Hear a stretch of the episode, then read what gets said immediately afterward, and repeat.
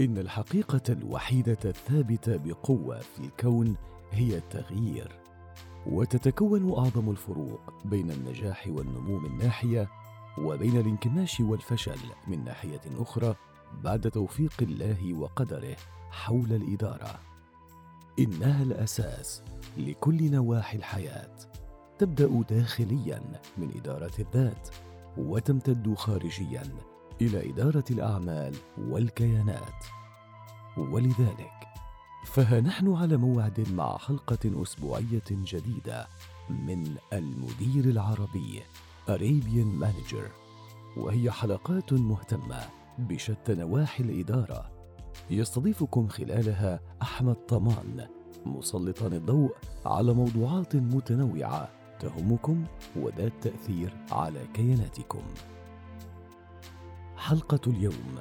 يسلط أحمد فيها الضوء على تحليل سلوكيات المشتري.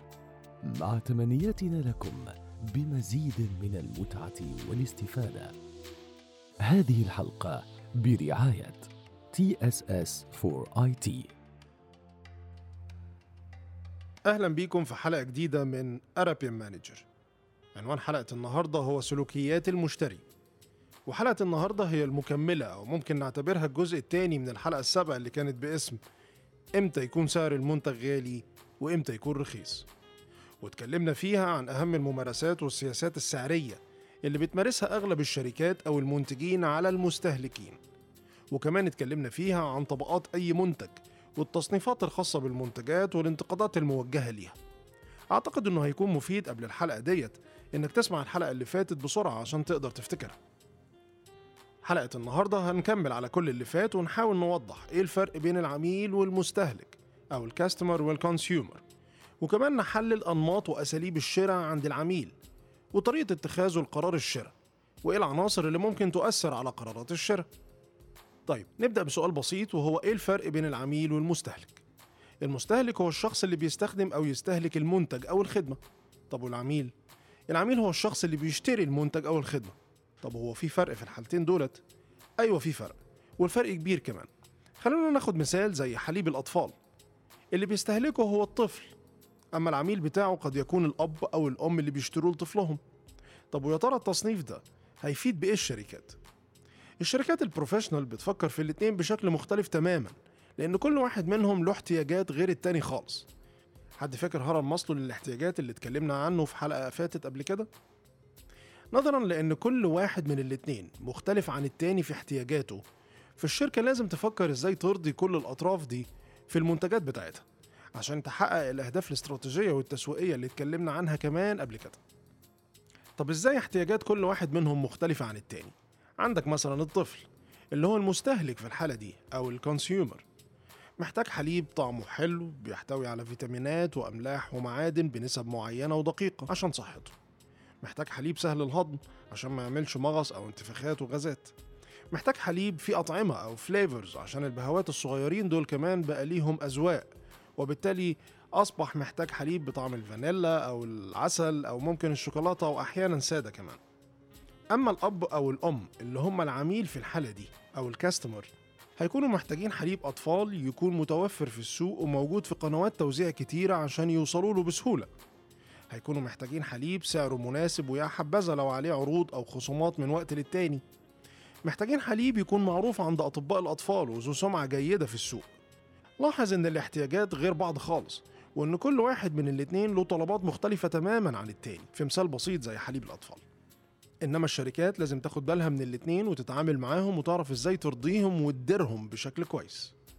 لازم الشركات اللي بتصنع حليب الأطفال تفضل تدور عن الاحتياجات الديناميكية للأطفال من جهة وأهاليهم من جهة تانية وبشكل مستمر لأن الحاجات اتفقنا قبل كده إنها ديناميكية ومستمرة ومتغيرة.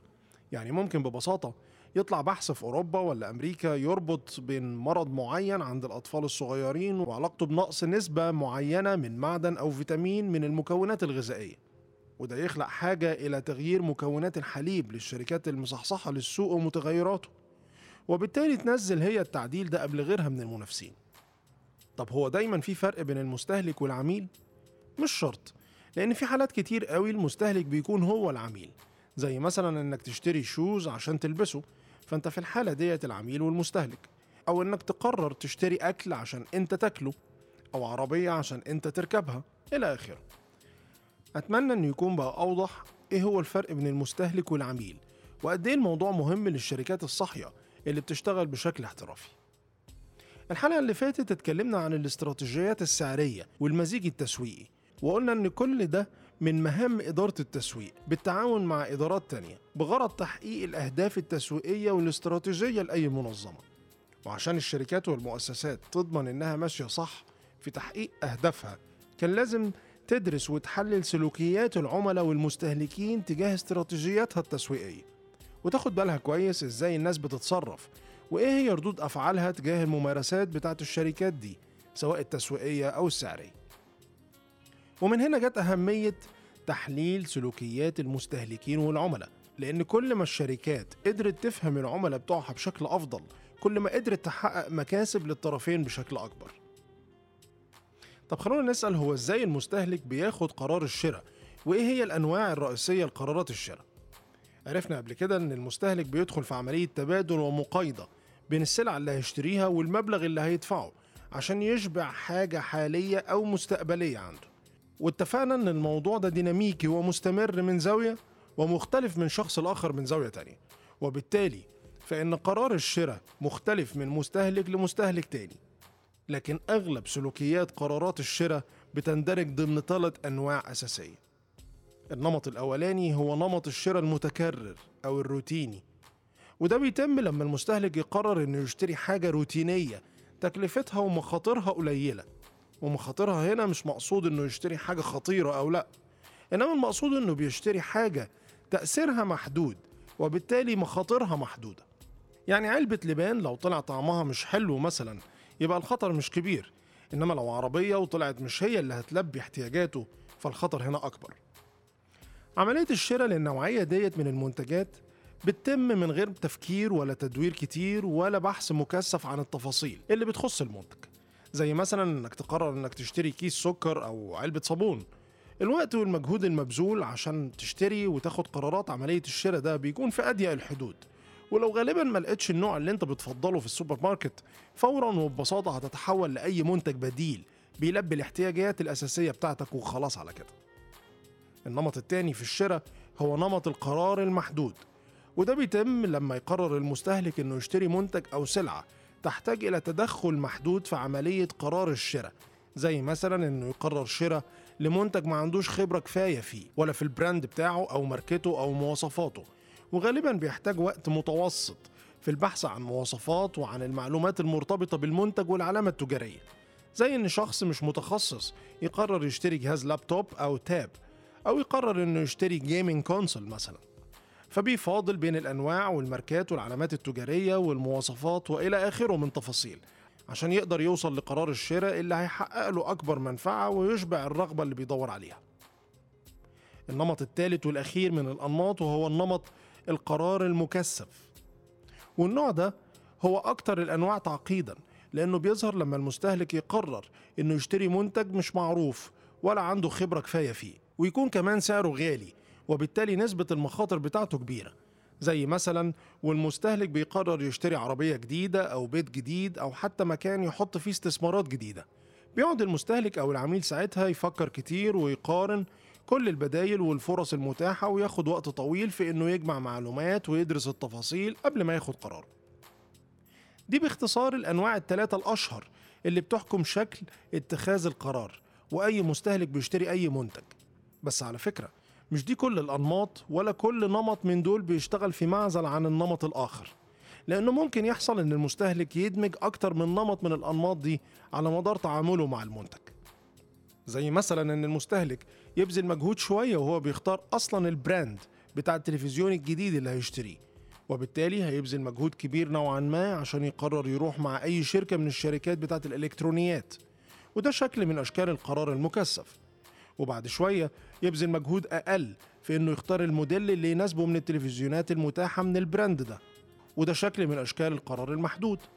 وبعد فترة من الزمن لو حد سأله على رأيه هيرد بشكل مباشر ومن غير تفكير في إنه البراند ده والموديل ده هما المناسبين وبالتالي هيتحول إلى النمط الروتيني وهو بيفكر في شكل المنتج أو في البراند اللي هيشتريه.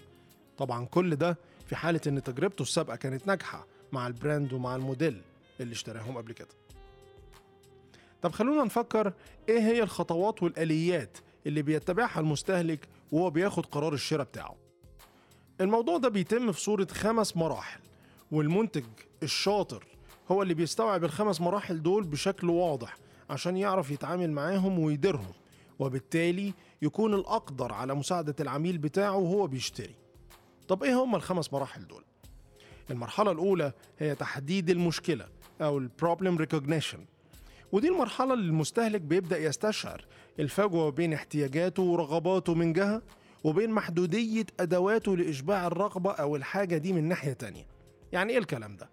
يعني لما مثلا تستشعر إن رصيدك بتاع الموبايل انتهى وإنك محتاج تعمل مكالمات وبالتالي تدرك إن في حاجة إلى شراء كروت شحن جديدة أو إنك مثلا تدرك إنك أصبحت مغرم قوي بالتصوير وإن الكاميرا القديمة بتاعتك مش مساعداك إنك تتنقل للمستوى الأعلى في الهواية دي في الحالة دي بتبتدي تدرك إنك محتاج تغير الكاميرا بتاعتك بكاميرا أحدث وبمواصفات أكتر تعقيدا عشان المستوى اللي أنت مقبل عليه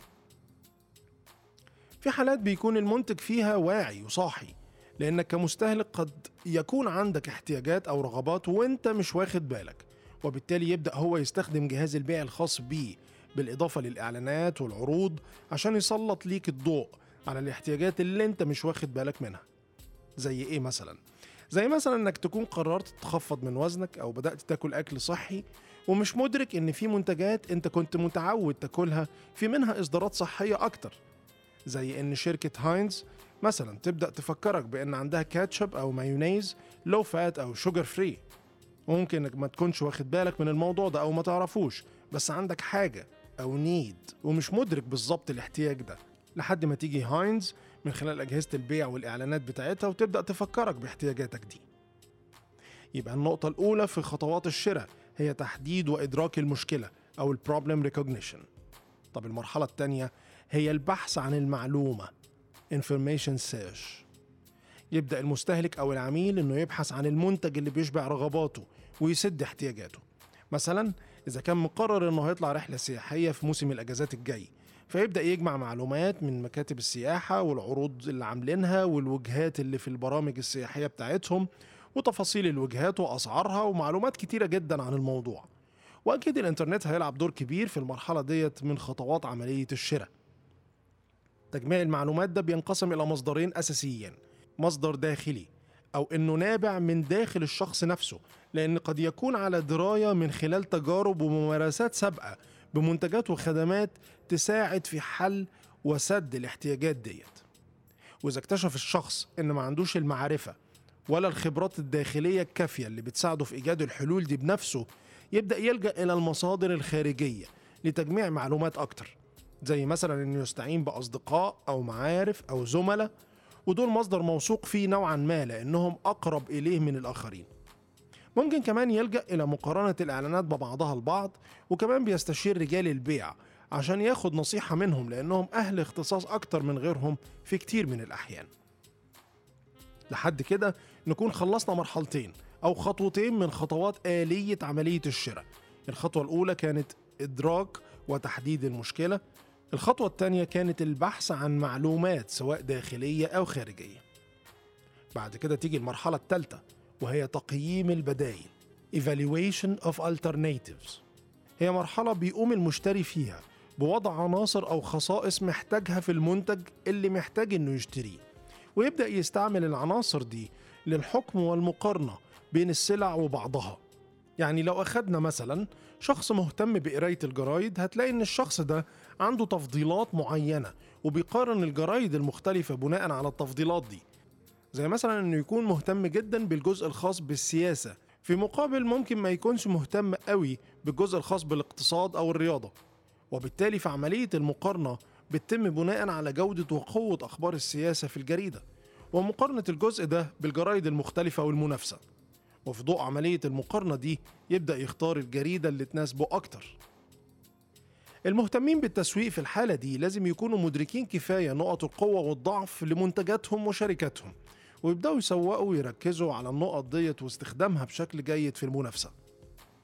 المرحلة الرابعة في مرحلة عملية الشراء هي مرحلة عملية الشراء نفسها ال purchasing وهي المرحلة اللي بيتم اختيار المنتج أو ال brand والعلامة التجارية اللي هيشتريها المستهلك.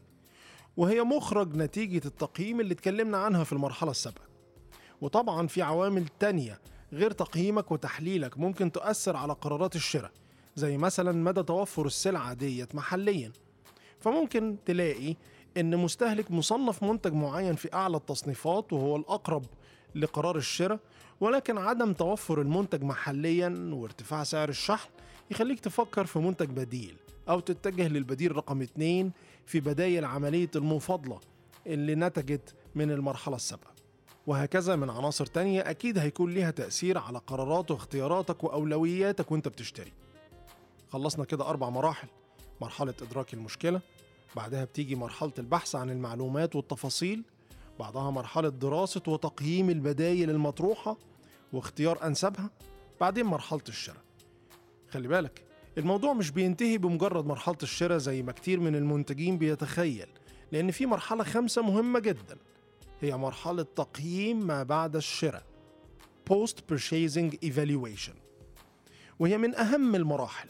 بيتم فيها إن المشتري بيقوم بعمل مقارنات بين مكان متوقعه من المنتج أو السلعة اللي اشتراها وكم الإشباع اللي تم من خلاله لسد احتياجاته ورغباته من زاوية.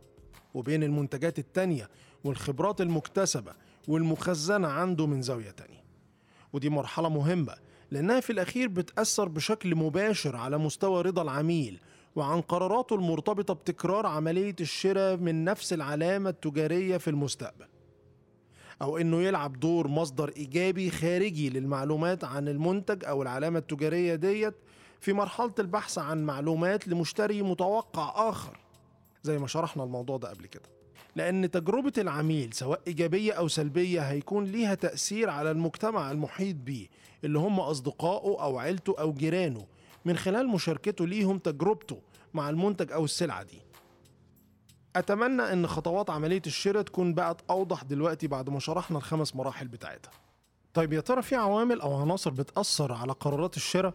آه في مجموعة عناصر بتلعب دور كبير في قرارات الشراء منها على سبيل المثال لا الحصر العناصر الديموغرافية أو ال demographic factors زي النوع إذا رجل أو سيدة والشريحة السنية والجنسية ودولة الإقامة إلى آخره من أمور تبدو شخصية نوعا ما. بس تخيل مع كون العناصر دي شخصية نوعا ما إنما ليها تأثير كبير على قرارات الشراء. طب إزاي؟ هديك مثال عشان نوضح الفكرة أكتر. في إحصائيات تمت بناء على كلام سالي ديب في كتابها Marketing Concept and Strategies بتقول إن خلال الكام سنة الجاية هيكون في دور كبير قوي للأطفال والمراهقين في دول زي إنجلترا وألمانيا وتركيا في عملية شراء سلع معينة زي المشروبات الغازية ووجبات الفطار والعطل السياحية والعربيات كمان. وده نتيجة زيادة معدلات نمو الشريحة السنية دي من السكان في الدول اللي وضحناها بالمقارنة بنفس النمو للشريحة دي في باقي دول أوروبا.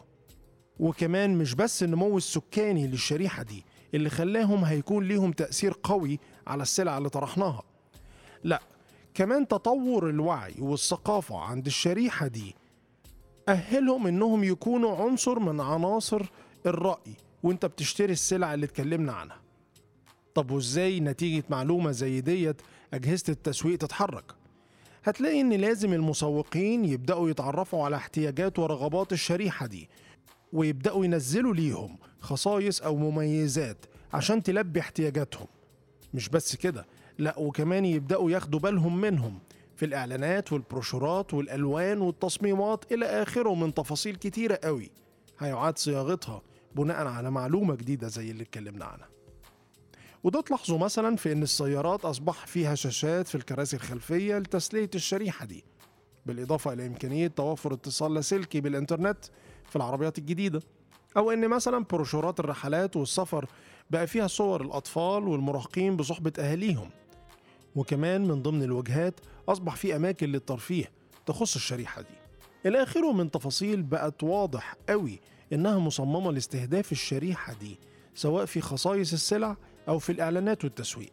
بفكرك إن كل ده مجرد عنصر واحد ديموغرافي وهو الشريحة السنية في بعض الدول الأوروبية وتأثيره على قرارات الشراء لبعض السلع والمنتجات في البلدان دي.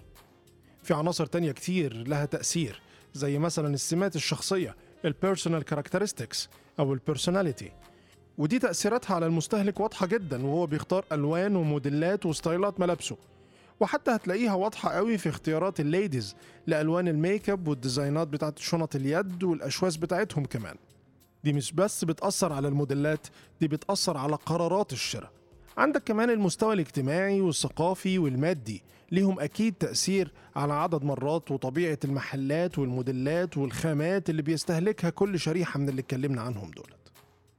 للأسف وقت الحلقة مش كفاية إننا نتكلم على كل العناصر بالكامل اللي بتأثر على قرارات الشراء ولكن أكيد إن شاء الله هنتعرض ليها في حلقات جاية في أرابيان مانجر أرجو في النهاية أني أكون قدرت أسلط الضوء على إيه هو الفرق بين المستهلك والعميل وكمان أوضح إيه هي خطوات عملية الشراء اللي بتتم من قبل المستهلك والعميل؟ بالإضافة لاستعراضنا السريع لبعض العناصر التانية اللي ليها الدور في التأثير على قرارات الشراء. طبعا كل ده مش محتاج إني أقول إنه لازم يدار بشكل واعي ومدروس من قبل رجال التسويق اولا ثم رجال وفرق البيع ثانيا. عشان الكيانات تحقق أهدافها الاستراتيجية والسوقية من زاوية وإن العميل يستفيد أقصى استفادة ممكنة من زاوية تانية. أتمنى في النهاية إني أكون أضفت ولو قليل لمحتواكم المعرفي نشكركم جميعا لسعة صدركم وإلى اللقاء في حلقة أسبوعية قادمة من حلقات المدير العربي Arabian Manager. نرحب باستقبال استفساراتكم وتعليقاتكم على إيميل الحلقات info at arabianmanager.com وكذلك على تويتر at arabian underscore manager وأيضا على صفحة الفيسبوك من خلال صفحة Arabian Manager. رقم الواتساب هو 00 966 54 99 20 5 8 1 مضيفكم أحمد طمان. يتمنى لكم المزيد من التقدم والتطور. دمتم بخير.